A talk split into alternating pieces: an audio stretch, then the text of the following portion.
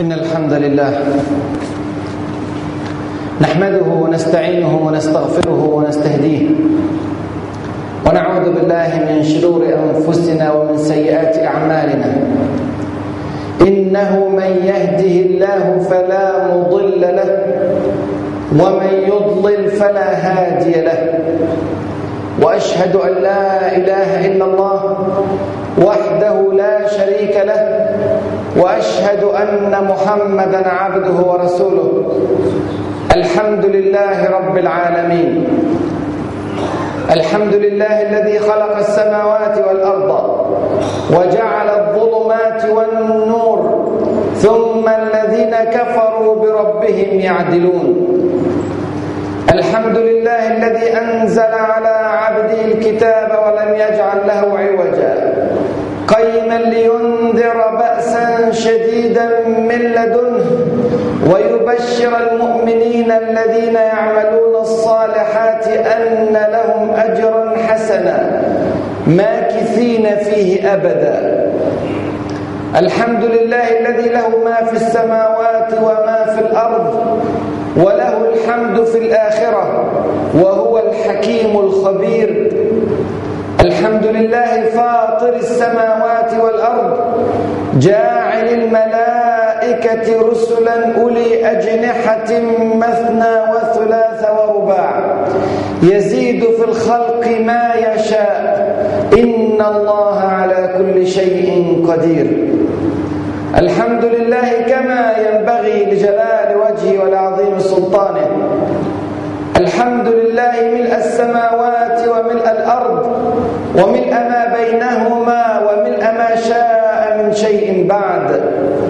وأشهد أن لا إله إلا الله وحده لا شريك له. خلق فسوى وقدر فهدى وأخرج المرعى فجعله غثاء أحوى.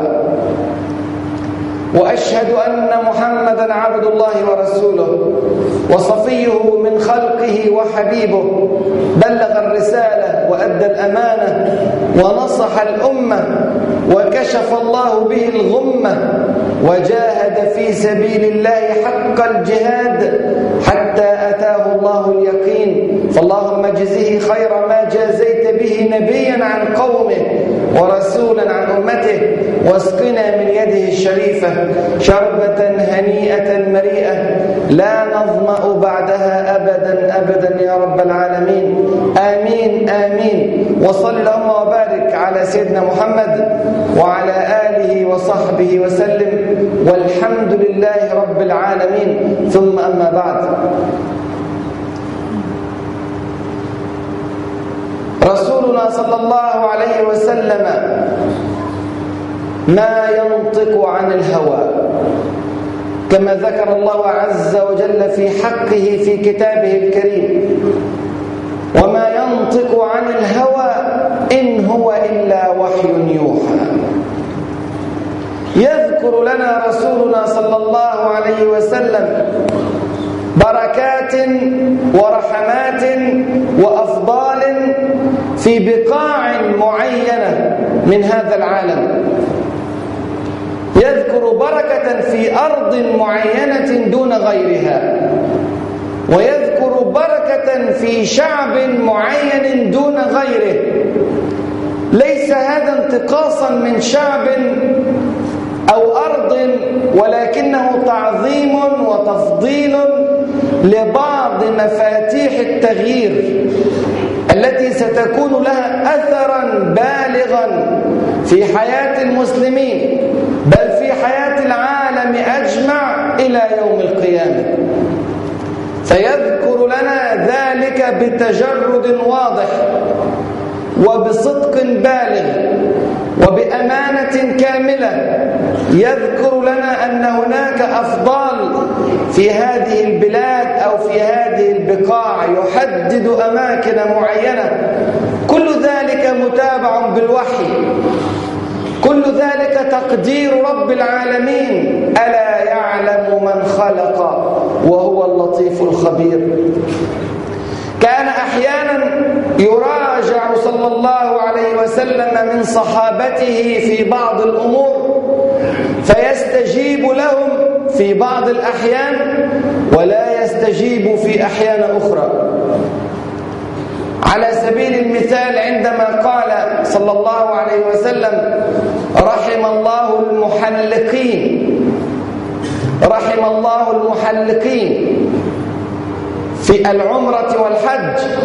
فقال بعض الصحابة والمقصرين يا رسول الله قال رحم الله المحلقين. قالوا والمقصرين يا رسول الله قال رحم الله المحلقين. قالوا والمقصرين يا رسول الله قال والمقصرين. فأعطى الرحمة كاملة للمحلقين ثلاثا ثم نزل على كلام صحابته وهذا كله بوحي. كان من الممكن من البداية أن يقول الله رحم الله المحلقين والمقصرين لكن هذا الوحي مقصود وهذا الترتيب عن عمد ليعلم المسلمون جميعا درجة المحلقين الفارقة عن درجة المقصرين.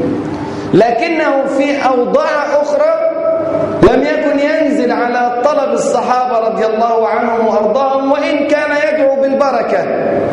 وكلنا يحب البركة خاصة إن كان يدعو بها رسولنا صلى الله عليه وسلم. فقال في الحديث الذي رواه البخاري عن عبد الله بن عمر رضي الله عنهما رفع يده إلى السماء وقال اللهم بارك لنا في شامنا وفي يمننا. حدد منطقتين من مناطق العالم. دعا الله عز وجل أن يبارك فيهما. وفعل ذلك قبل ذلك مع مصرنا الحبيبة فقال في حديث صحيح استوصوا بأهل مصر خيرا. قال هذا الكلام حتى قبل أن تسلم مصر.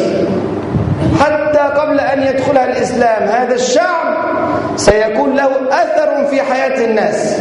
وإلى يوم القيامة فيوصي المسلمين جميعا بهذا البلد. استوصوا أيها المسلمون. استوصوا بأهل مصر خيرا. فإن لهم ذمة ورحمة. وقال كذلك في أهل الشام وأهل اليمن. فقال اللهم بارك لنا في شامنا وبارك لنا في يمننا. وقدم الشام على اليمن.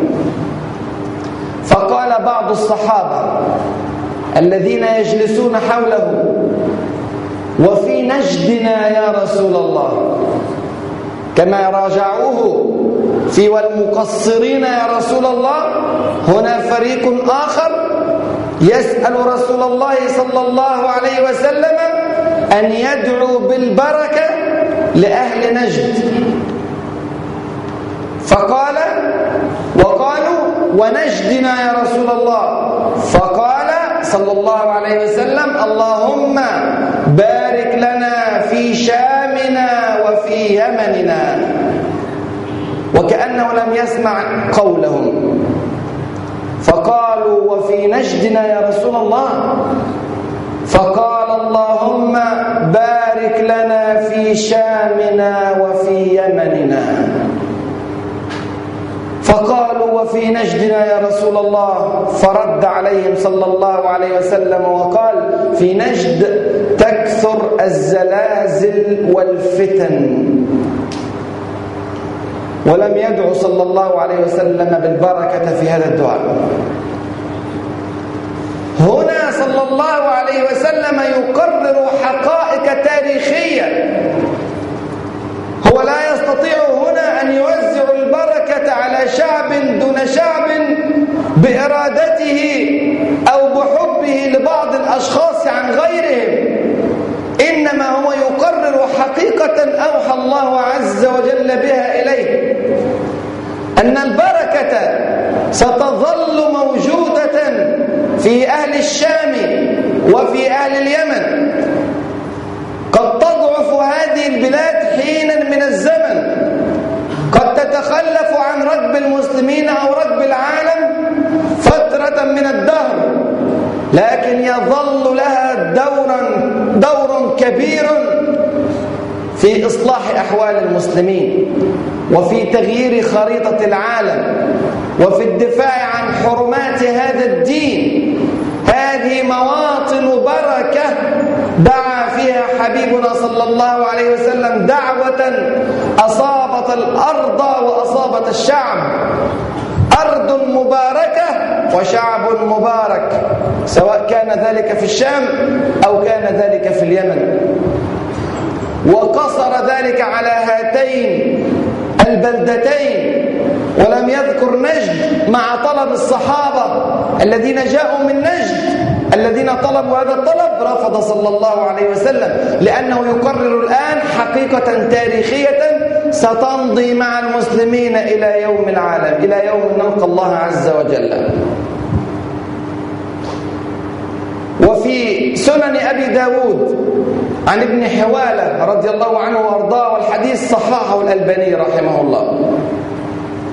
قال صلى الله عليه وسلم سيصير الأمر إلى جنود مجندة.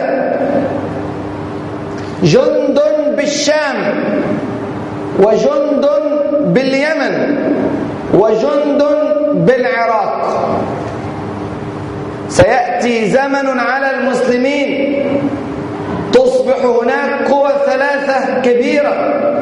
من قوى المسلمين جنود. واحد في الشام. وآخر في اليمن والثالث في العراق.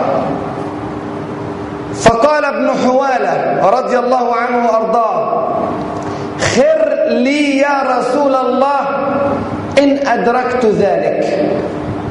لو كنت في ذلك الزمن أين تختار لي يا رسول الله؟ إلى أي البلاد أتوجه؟ في أي البلاد أعيش؟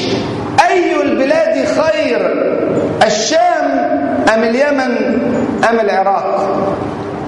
فقال صلى الله عليه وسلم بوضوح ودون مواربة. قال صلى الله عليه وسلم عليكم بالشام عليكم بالشام. انظر فإنها خيرة الله في أرضه. الله أكبر. هذا كلام حبيبنا صلى الله عليه وسلم. هذه البلاد بلاد الشام خيرة الله في أرضه. ثم قال ما هو أعجب؟ قال يجتبي إليها خيرته من عباده. بركة في الأرض وبركة في الشعب. هذه خيرة الله في أرضه يجتبي إليها خيرته من عباده. ثم قال صلى الله عليه وسلم فإن أبيتم حدث بينكم مانع يمنع من التوجه إلى الشام فإن أبيتم فعليكم باليمن. فإن أبيتم فعليكم باليمن. ثم ختم حديثه وقال صلى الله عليه وسلم فإن الله توكل إلي بالشام وأهله. يعود مرة ثانية ليذكر فضائل الشام. فإن الله توكل إلي بالشام وأهله. توكل الله عز وجل بحفظ هذا البلد وحفظ هذه الشعوب. الخيرة خيرته من عباده الذين يسكنون في هذه البلاد الطيبة بلاد الشام أرض الأنبياء ومهد الرسالات. حتى الحبيب صلى الله عليه وسلم الذي لم يعش في أرض الشام شاء الله عز وجل أن يأخذه في رحلة الإسراء والمعراج في أرض الشام ليصلي بعامة الأنبياء والمرسلين ويتسلم قيادة العالمين في خيرة الله عز وجل من أرضه وإماما لخيرة الخلق. وفي الأرض التي سيولد فيها بعد ذلك خيرة الله من عباده كما قال حبيبنا صلى الله عليه وسلم. هذه الشام العظيمة ستظل عظمتها إلى يوم القيامة. في حديث سلمة ابن نفيل الكندي رضي الله عنه وأرضاه قال في آخره والشام عقر دار المؤمنين. الله أكبر. والشام عقر دار المؤمنين. هكذا إلى يوم القيامة. عقر دار المؤمنين. وقبل نهاية الدنيا ينزل عيسى عليه السلام شرق دمشق. ويقتل الدجال هناك في أرض الشام في عقر بلاد الشام إلى جوار أبواب دمشق. نهايات الدنيا تكون على هذه الأرض بل هي أرض المحشر والمنشر كما قال صلى الله عليه وسلم الشام. أرض المحشر والمنشر عليها نبعث. في هذه الأرض في أرض الشام نحاسب أمام رب العالمين سبحانه وتعالى. أي بركة في هذه الأرض؟ الذي ينظر إلى بلاد الشام الآن يتقطع قلبه حقيقة على الشام التي دعا حبيبنا صلى الله عليه وسلم فيها بالبركة. مزقت الشام إربا. مزقها أعداؤنا في غفلة من المسلمين. في معاهدة سايكس بيكو 1916 مزق الإنجليز والفرنسيون الشام إربا قطعوها إلى دول أربعة إلى سوريا ولبنان وفلسطين والأردن. والشام قطعة واحدة. إقليم واحد. إقليم مسلم منذ الأيام الأولى من الإسلام. قطعوها إربا. وزادوا على ذلك. قسموها بين الأعداء. حتى لا تصبح إدارة واحدة فتكون مقاومة واحدة وشعبا واحدا. فأرادوا التمزيق فأعطوا سوريا ولبنان إلى فرنسا وأعطوا الأردن إلى إنجلترا وجعلوا فلسطين إدارة دولية ما بين فرنسا وإنجلترا وروسيا وغيرها من بلاد العالم. هكذا قرروا في العام السادس عشر بعد ال 1900 من الميلاد. ثم فوق ذلك في العام السابع عشر بعد ال 1900 احتلت إنجلترا فلسطين وبقيت محتلة إلى زماننا الآن. نقترب الآن من مئة عام على احتلال فلسطين احتلال إنجليزي ثم صهيوني كما تعلمون. ومزقوا لبنان مزقوها طائفيا. جزء مسلم لا يتجزأ من الأمة الإسلامية. فصار حكمها نصرانيا وصارت السيطرة الحقيقية على مقاليد الأمور الآن فيها شيعية اثنى عشرية مبدلة مغيرة مبتدعة. هذا وضع نراه جميعا أمام أعيننا. وسوريا. وما أدراك ما سوريا؟ بلد طيب كريم اقرأوا التاريخ حتى تعلموا قدر سوريا. من سوريا هذه انطلقت جيوش المسلمين في مشارق الأرض ومغاربها أيام الدولة الأموية لتفتح بلاد العالم لتصير الدولة الإسلامية أعظم دولة في تاريخ الدنيا من الصين إلى فرنسا دولة واحدة بقيادة واحدة مسلمة. زور تاريخها كثيرا. نحتاج إلى محاضرات كثيرة للدفاع عن الدولة الأموية لكن بيت القصيد في خطبتنا أن من هذه البلاد الطاهرة انتشر الإسلام. ومنها دافع المسلمون عن حرماتنا ضد الصليبيين. في عهد عماد الدين زنكي ونور الدين محمود وصلاح الدين الأيوبي رحمهم الله جميعا بالاشتراك مع مصر التي وصى بها رسولنا صلى الله عليه وسلم.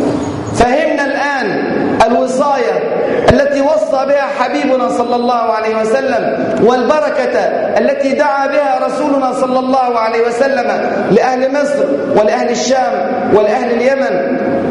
مناطق إن اعتبر المسلمون بكلام رسولنا صلى الله عليه وسلم فرغوا لها اهتمامهم وأعطوا لها كل قدراتهم وإمكانياتهم فإنه والله بنهوض هذه البقاع تنهض الأمة بكاملها. ليست هذه الإشارات التي أشار لها رسول الله صلى الله عليه وسلم أمرا عبثيا حاشا لله. إنما هو يقصد أمرا معينا واهتماما خاصا من المسلمين. برجاء التقدم إخوانكم في الشمس في خارج المسجد. تقدم قدر ما تستطيع. إخواننا على الباب تقدموا. في أماكن يا إخواننا فاضية. في أماكن قدام في الصفوف الأولى فاضية. سوريا. خرجت. ادخلوا يا أخي في الأماكن الفاضية ما حدش يقعد على الباب. في أماكن فاضية جوه.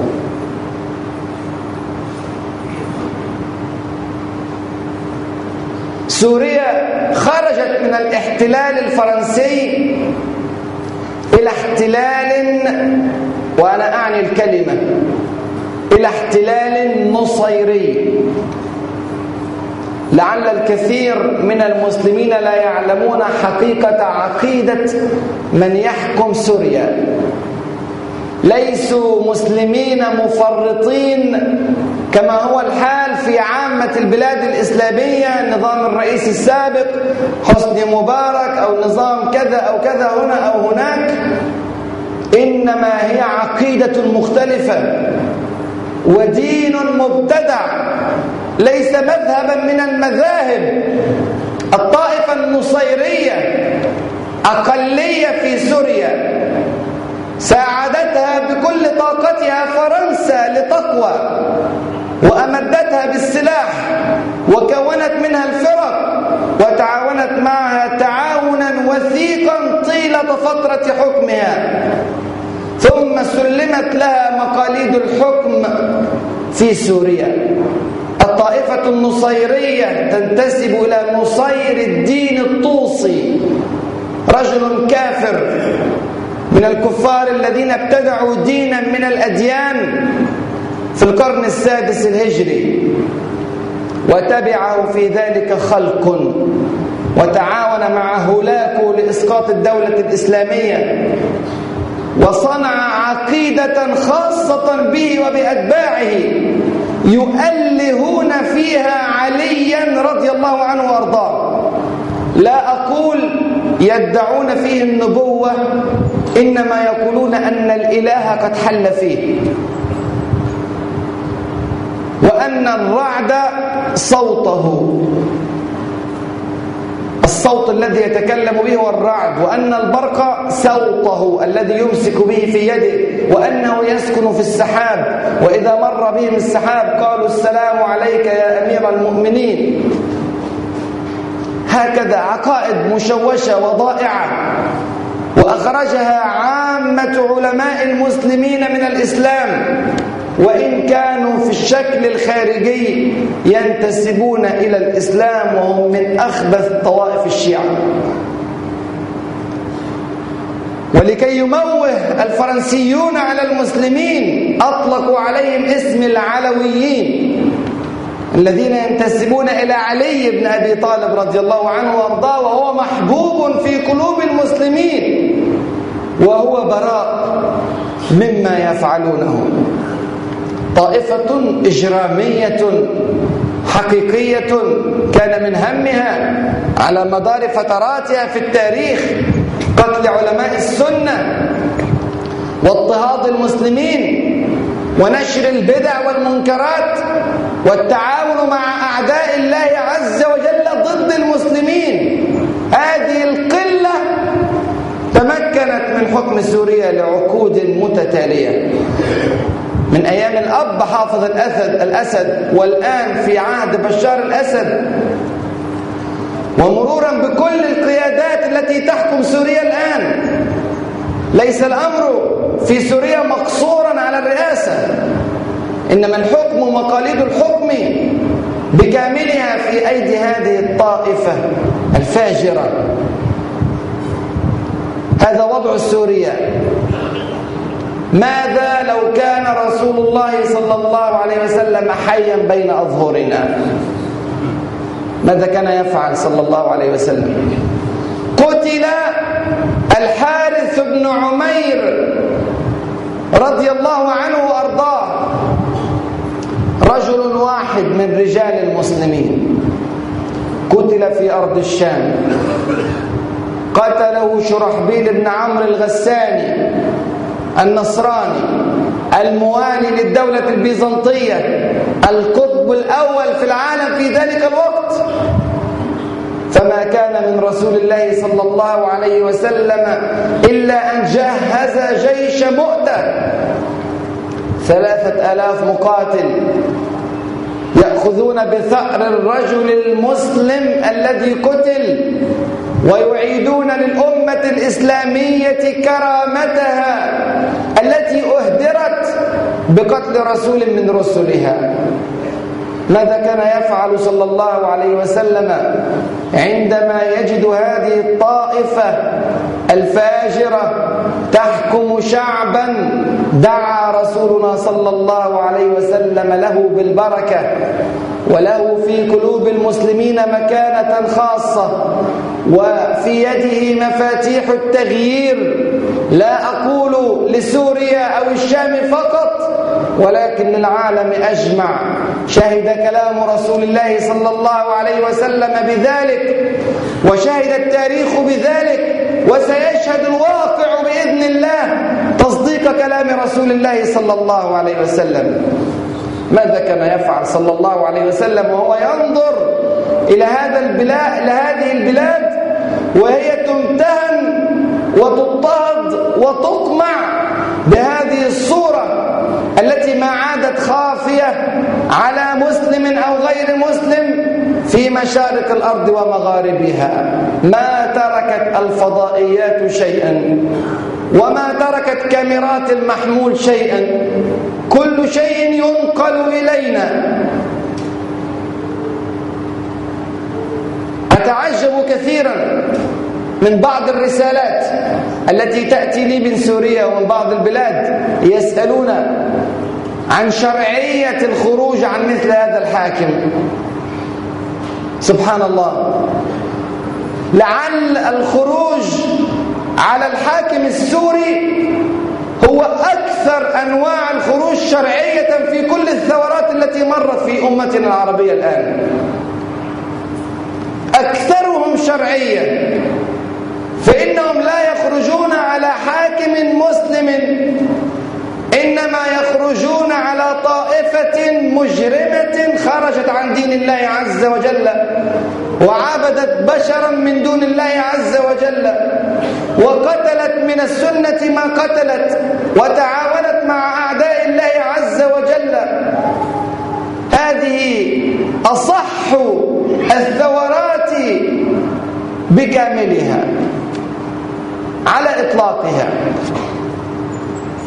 فكيف يترددون؟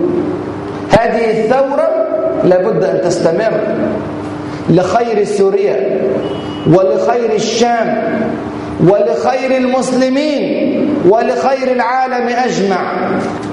بكل طاقتكم يا أهل الشام وبكل طاقتكم أيها المسلمون في مشارق الأرض ومغاربها يا من تعيشون في بلاد الإسلام وفي غير بلاد الإسلام. لا بد أن يتكاتف الجميع لتحرير سوريا من هذه الطغمة الأقلية الحاكمة الظالمة. هذا دور لا ينبغي أبدا عن المسلمين أن يتناسوه. نحن نسأل أهل سوريا العذر حقيقة.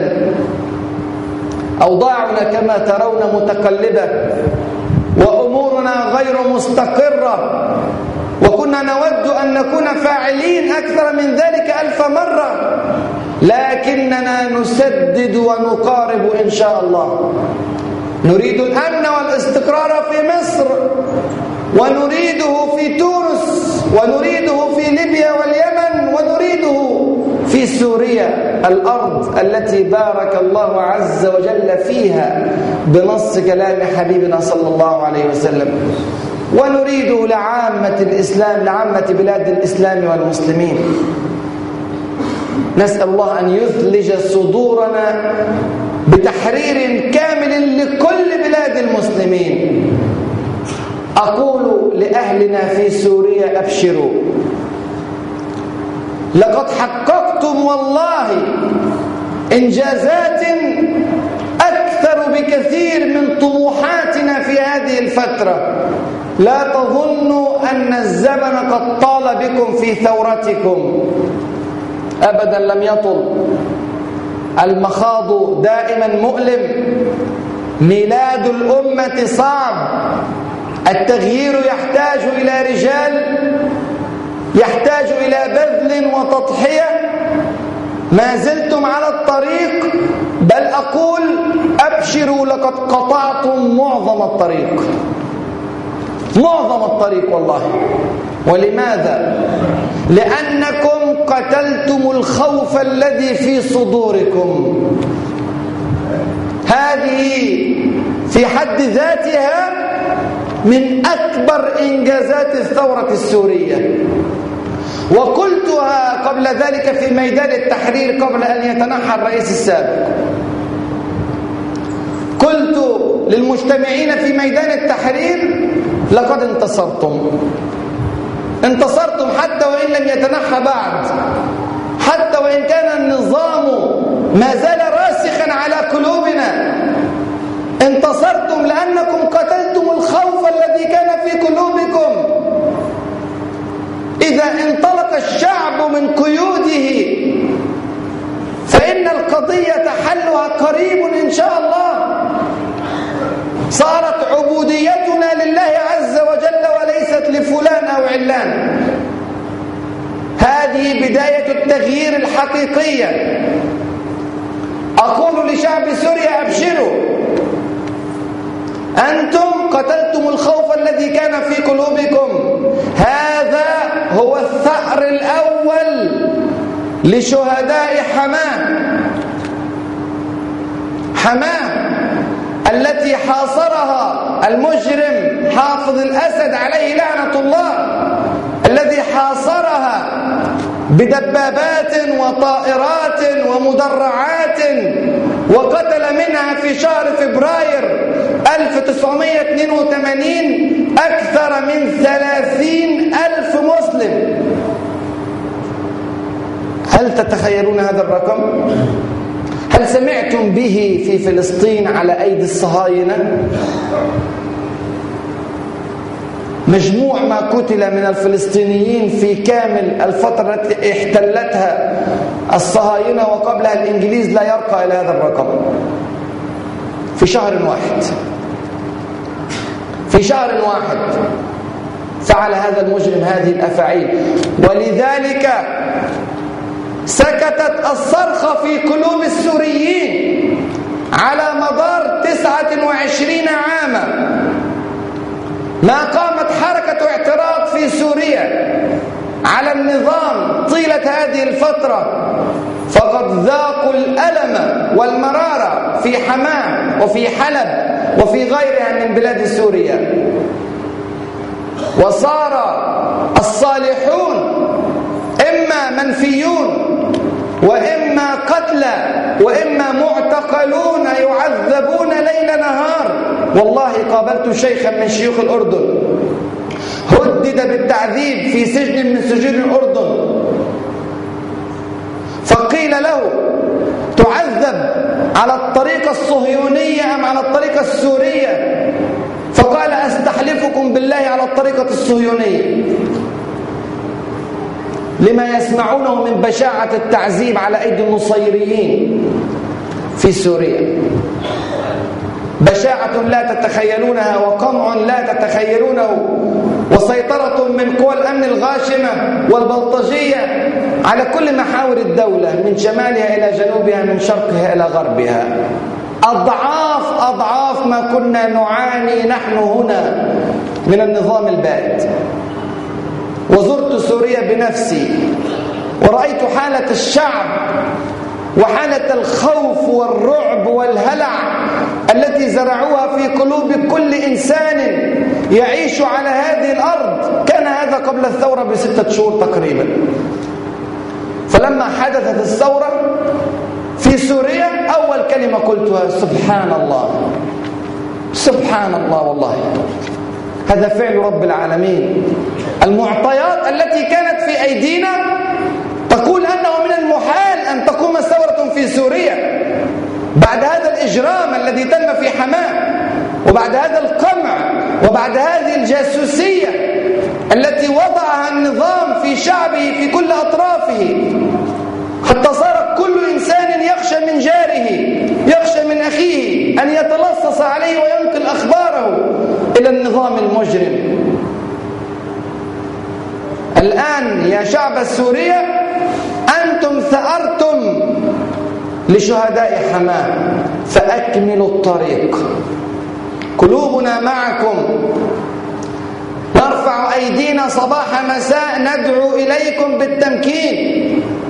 ما أذكر خطبة منذ قامت سوريا بثورتها إلا ودعوت لها لأهل سوريا. أن ينزل الله عز وجل عليهم رحماته وبركاته ونصره. وأن يمكن لهم في الأرض وأن يرينا فيهم دعوة حبيبنا صلى الله عليه وسلم بالبركة في أرضها وفي شعبها. اللهم بارك لنا في شامنا. اللهم بارك لنا في شامنا. اللهم بارك لنا في شامنا.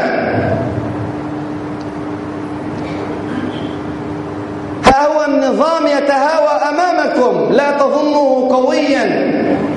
كلما ازدادت المتاريس حول الظالمين اعلموا أنهم ضعفاء. ما وضعوا المتاريس حولهم إلا لأنهم رأوا الشعب أقوى منهم. افقهوا هذه الحقيقة جيدا. افقهوا أن النظام مهما بدت لكم قوته وضراوته فإنه هش لا قيمة له لا عقيدة له لا قضية له مجموعة من اللصوص والمجرمين والفاسدين أنى لهم النصرة من رب العالمين سبحانه وتعالى. فالله معكم ولن يتركم أعمالكم. ثم إنكم أيها الأبطال الأحرار كشفتم الوهم الذي عاش فيه كثير من المسلمين ومن العرب أن سوريا هي درع الصمود أمام الصهاينة. قلعة المقاومة الباقية أمام اليهود وهم كبير. رأينا في جرائد اليهود الآن ورأينا في جرائد إنجلترا وهي تتحدث عن هذه القضية في الجارديان أن اليهود في هلع أن يسقط نظام بشار الأسد. يحبون هذا النظام يريدونه. يفرغ شحنات الشعوب ببعض الخطب النارية وبعض الألفاظ المنتقاة ثم لا شيء لا عمل. ضرب جنوب دمشق في العام في عام 2003 ضرب بالطيران اليهودي في عمق البلاد السورية 22 كيلومتر جنوب دمشق ولم يتحرك أحد من السوريين. لم يتحرك أحد من النظام الذي هو قلعة الصمود كما كانوا يقولون. وضرب موقع قيل أنه كان موقعا نوويا. وسوريا بعيدة كل البعد عن هذا. في عام 2007 في عمق الأراضي السورية من الطائرات اليهودية ولم يتحرك أحد. بل إن الجولان ما زالت محتلة منذ العام 67 ولم يتحرك أحد. أين الصمود هنا؟ صمود في خطاب لا وزن له في جامعة لا قيمة لها. في الجامعة العربية يخرج فيتكلم كلمتين عن شحنات الشعوب فتقول ما شاء الله الذي تكلم به بشار أحسن مما تكلم به فلان أو علان. من قادة العرب وكلهم قادة وهميون. فينظر الناس إلى هذا ويهدؤون. هناك من يتكلم عنا وينسى الناس أن هذا نصيري لا يمكن بحال من الأحوال. أن ينزل الله عز وجل عليه النصر بل أبى الله إلا أن يخزيه. بل يا أهل سوريا جزاكم الله خيرا كثيرا. كشفتم لنا جزءا من المخططات الشيعية التي تحاط بهذه الأمة الكريمة أمة الإسلام. وأوهمونا على مدار سنوات وسنوات في الصحف والفضائيات أن المسلمين سنة وشيعة. على اعتبار أن هذا هاتين طائفتين من المسلمين متوازيتين ومتساويتين. الشيعة في العالم 150 مليون والمسلمون السنة في العالم 1350 مليون. طائفة محرفة مبدلة. رأينا إيران تخرج أيام الثورة التونسية ثم المصرية.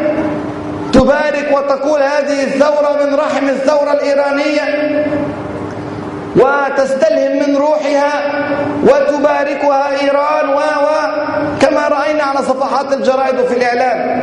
الآن مع شعب سوريا ممنوع. تساعد إيران النظام السوري في قمع الشعب السوري. تساعده في قمعه تماما لأن الطائفتين من الشيعة العلويين أو النصيريين والإثنى عشريين في إيران. وحزب الله حسن نصر الله الذي خرج يبارك بكلمات معسولة جميلة للثورات المصرية والتونسية وغيرها ويدعو الشعوب عندما قامت الثورة في سوريا هذا آخر ما أتكلم فيه عن الثورات. وأيد بمنتهى القوة وبمنتهى الوضوح النظام الفاجر الذي يحكم سوريا الحمد لله تكشفت الأوراق. كان كثير من الناس ما زال ما زالوا موهومين في أحمد نجاة أو في حسن نصر الله. فأبى الله عز وجل إلا أن يحدث هذه الأحداث ليرى من كان في قلبه شك.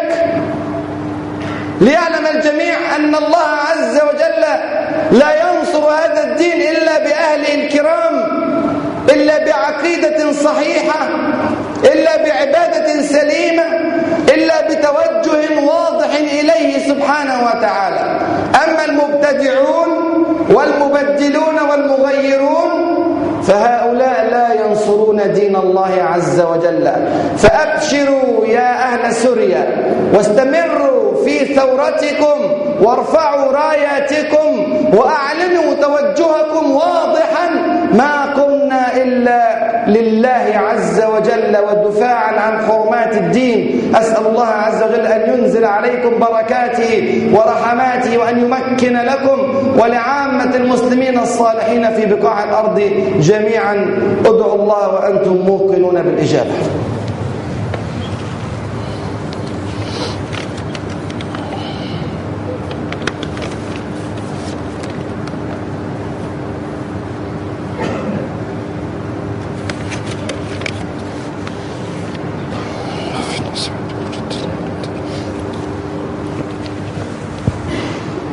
إن الحمد لله نحمده ونستعينه ونستغفره ونستهديه. ونعوذ بالله من شرور أنفسنا ومن سيئات أعمالنا. إنه من يهده الله فلا مضل له ومن يضلل فلا هادي له. وأشهد أن لا إله إلا الله وحده لا شريك له وأشهد أن محمدا عبده ورسوله. أما بعد علينا إخواني ألا ندع القضية تموت أبدا في قلوبنا وفي أقلامنا وفي صفحات الإنترنت وفي مواقع التواصل الاجتماعي وفي أحاديثنا بيننا وبين بعضنا بيننا وبين أسرنا بيننا وبين أصدقائنا. يجب أن تظل القضية حية في قلوبنا. هذا يحدث حركة شعبية في مصر وفي عامة البلاد العربية والإسلامية. وهذا له مردود على من يحكم هذه البلاد. لابد من ضغط على هذه الحكومات التي تحكم بلاد المسلمين ليكون لها أثر فاعل في تغيير الأوضاع في سوريا. لن يكون ذلك إلا بتوجه شعبي ناحية هذا الأمر.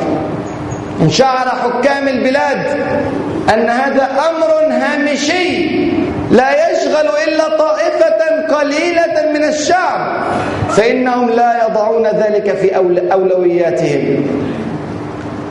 أنا أطالب حكومتنا حكومتنا أن تقطع علاقتها مع سوريا. وأن تتكلم بوضوح في هذه القضية وأن تعلن أنها ضد النظام الحاكم في سوريا وهو أشبه ما يكون بل أشد من نظامنا هنا الذي قمنا عليه بالثورة ما الفرق؟ هم أصعب وهم أخزى وهم أظلم هم أطغى حقيقة فلماذا تسير الأمور بشكل طبيعي مع حكومة فاجرة كهذه الحكومة؟ بل لماذا تعاد العلاقات مع إيران مع هذا الوضع الذي نحن فيه الآن؟ سيطرة شيعية في العراق وتدمير لقدراتها وتعاون صارخ مع الأمريكان في العراق. ثم سيطرة في لبنان وانتهاك لحرمات أهل السنة في لبنان وافتخار بذلك. ثم ما رأيناه في سوريا؟ ماذا تنتظرون؟ تشيع في مصر تشيع في السودان تشيع في بلاد المغرب العربي؟ ماذا ننتظر؟ أين العقيدة السليمة التي تدافع عنها حكومة تدافع عن عقيدة شعبها؟ هذا طلب نطالب به حكومتنا. أنا أعلم أن الظروف صعبة في بلادنا. لكن لابد أن يكون هذا توجه شعبي. لابد أن يعيش الناس هذه القضية. حتى إذا قمنا بعد ذلك بانتخاب حكومتنا لا ننتخب إلا من يراعي مطالبنا الشرعية وإلا من يبحث عن همومنا الحقيقية. همومنا الحقيقية ليست في سؤال لابد أن يسأله كل رئيس عن رأيك في الفن وماذا ستفعل مع الملاهي ومصانع الخمور ويسحبوننا إلى هذه القضايا وكأن هذه القضايا القضايا الشغل الشاغل للأمة الإسلامية. هذه قضايانا شعوبنا تقتل بالآلاف وعشرات الآلاف ومئات الآلاف بل وملايين في العراق. ونحن جزء لا يتجزأ من الأمة العربية والإسلامية ولا يصح لمصر أن تقول حالنا وكفى. لا يصح لهذا الشعب بعد أن وصى به رسولنا صلى الله عليه وسلم عامة المسلمين ينعزل المصريون ويعيشون لحياتهم فقط يهتمون فقط بطعامهم وشرابهم وأمنهم وفقط. أدوارنا أعظم من ذلك بكثير. أوكل الله عز وجل للصالحين. من أبناء مصر وأبناء الشام وأبناء اليمن. أسأل الله عز وجل أن يفرج كربهم. أهل اليمن كذلك. راجعوا التاريخ. عندما جاء جند اليمن في بلاد الشام فتحت بلاد الشام. سبحانك يا ربي. الرسول صلى الله عليه وسلم يحدثنا عن أمور نرى نتائجها رأي العين في تاريخنا بعد ذلك. ورسالة إلى شعب سوريا. لا تقعوا في خطأ شعب ليبيا. لا تضعوا أيديكم أبدا في أيدي الغرب. هؤلاء ما يريدون إلا مصالحهم. تخرجون من حكم واحتلال نصيري إلى احتلال غربي. نريد اعتمادا كاملا على الله عز وجل. النصر قريب للغاية. إن عرفتم من أين يأتي؟ وما النصر إلا من عند الله. واضحة. واضحة في كتاب ربنا عز وجل. لماذا نترك الأبواب هنا وهناك؟ نترك بقوة باب الله عز وجل فيفتح لنا هو الرحيم. سبحانه وتعالى هو القدير. سبحانه وتعالى. صدق التوجه وحسن العمل والقدرة على البذل والتضحية هو الطريق لنصركم إن شاء الله رب العالمين. كل عسى أن يكون قريبا. بشارة أتوقعها وأختم بها. أن الله عز وجل لو أكرم مصر بحكومة إسلامية وأكرم سوريا بحكومة إسلامية فإني أعتقد أن اليهود لن يقاتلوا أصلا في فلسطين ولكن سيحزمون أمتعتهم ويخرجون من البلاد دون قتال. كما فعل بنو قينقاع وبنو النضير وبنو قريظة الثلاثة في داخل المدينة المنورة ما دار بينهم وبين المسلمين قتال. أجلى حبيبنا الأولى والثانية وقتل الثالثة بعد خياناتهم وغدرهم بالمسلمين. وما تم القتال ليست لهم طاقة بحرب المسلمين الصادقين. فتحرير من العلمانية والمذاهب الأرضية والعودة إلى الله عز وجل كفيلة بإذن الله بتحقيق الحلم الكبير وتحقيق الأمل الذي عشنا ننتظره بتحرير فلسطين كلها. وبالصلاة في مسرى رسول الله صلى الله عليه وسلم. أسأل الله عز وجل أن ينزل بركاته ورحماته على المسلمين في مشارق الأرض ومغاربها. اللهم بارك لنا في شامنا ويمننا. اللهم بارك لنا في شامنا ويمننا. اللهم بارك لنا في شامنا ويمننا. اللهم أنزل نصرك ورحماتك وبركاتك على أهل سوريا وعلى أهل اليمن وعلى أهل ليبيا وأتم لنا أمرنا على كل خير في مصر وتونس يا رب العالمين. انصر الإسلام وأعز المسلمين وحد رايات الموحدين أعل رايات المسلمين. اربط على قلوب المؤمنين المخلصين. أرنا الحق حقا وارزقنا اتباعه. وأرنا الباطل باطلا وارزقنا اجتنابه. اللهم أعنا على ذكرك وشكرك وحسن عبادتك. اللهم أعنا على ذكرك وشكرك وحسن عبادتك وأقم الصلاة. إن الصلاة تنهى عن الفحشاء والمنكر ولذكر الله أكبر. والله يعلم ما تصنعون.